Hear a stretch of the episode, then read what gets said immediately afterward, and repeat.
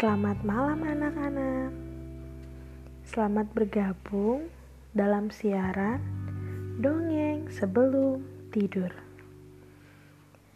Sebelum mendengarkan dongeng, Ibu mau tanya, apakah anak-anak sudah gosok gigi? Wah, hebat, sudah gosok gigi. Bagi yang belum, jangan lupa untuk gosok gigi ya. Nah, sekarang waktunya kita untuk dongeng sebelum tidur.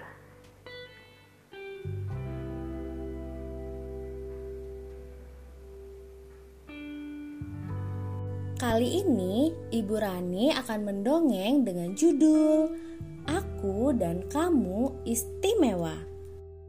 Dahulu kala di padang rumput yang hijau ada seekor kerbau dan sapi yang bersahabat.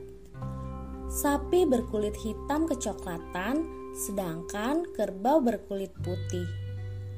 Pada suatu hari, ada pendatang baru di padang rumput tersebut. Dia adalah banteng yang memiliki tanduk runcing. Banteng itu terlihat sangat gagah dan membuat sapi serta penduduk padang rumput kagum terhadapnya.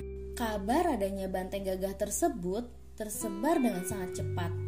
Ia pun menjadi idola, sehingga si kerbau merasa iri kepada banteng tersebut. Sehingga ia berkata, "Apa sih hebatnya dia? Aku juga mempunyai tanduk yang besar dan runcing. Badanku juga gagah, hanya berbeda warna kulit saja. Seandainya kulitku hitam, aku pasti lebih gagah dibandingkan banteng itu. Kerbau pun memiliki ide untuk mengubah warna kulitnya. Ia mendatangi sapi yang tengah berendam di sungai. Hei sapi, kamu memiliki kulit hitam yang bagus. Apakah kamu mau bertukar kulit putih denganku?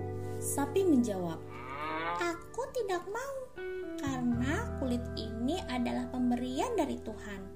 Aku sangat bersyukur. Kerbau tetap saja membujuk sapi dan memohon atas nama persahabatan. Ayolah sapi, aku mohon, Ayo kita bertukar kulit. Sapi pun akhirnya kasihan dan bersedia untuk bertukar kulit. Namun, sapi memberi syarat bahwa sesudah bertukar kulit, kerbau harus bersyukur dengan apa yang dimiliki. Tanpa berpikir panjang, kerbau akhirnya menyanggupi. Akhirnya, mereka bertukar kulit.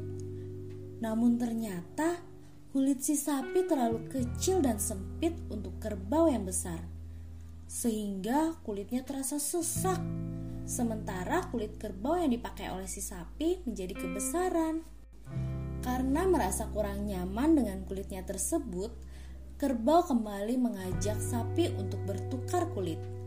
Namun, sapi tidak mau. Kerbau tetap merengek kepada sapi untuk bertukar kulit di mana pun mereka bertemu. Namun, tetap saja sapi tidak mau bertukar. Akhirnya, sang kerbau menyesal karena tidak mau bersyukur dengan pemberian Tuhan. Anak-anak, dari dongeng yang kita dengar tadi, kita diingatkan untuk bersyukur dan berterima kasih kepada Tuhan atas pemberiannya karena apa yang Tuhan berikan adalah yang terbaik. Sekian dongeng sebelum tidur untuk malam ini. Sampai bertemu di dongeng berikutnya ya. Sebelum tidur, jangan lupa berdoa dulu. Selamat tidur, selamat beristirahat. Tuhan Yesus memberkati.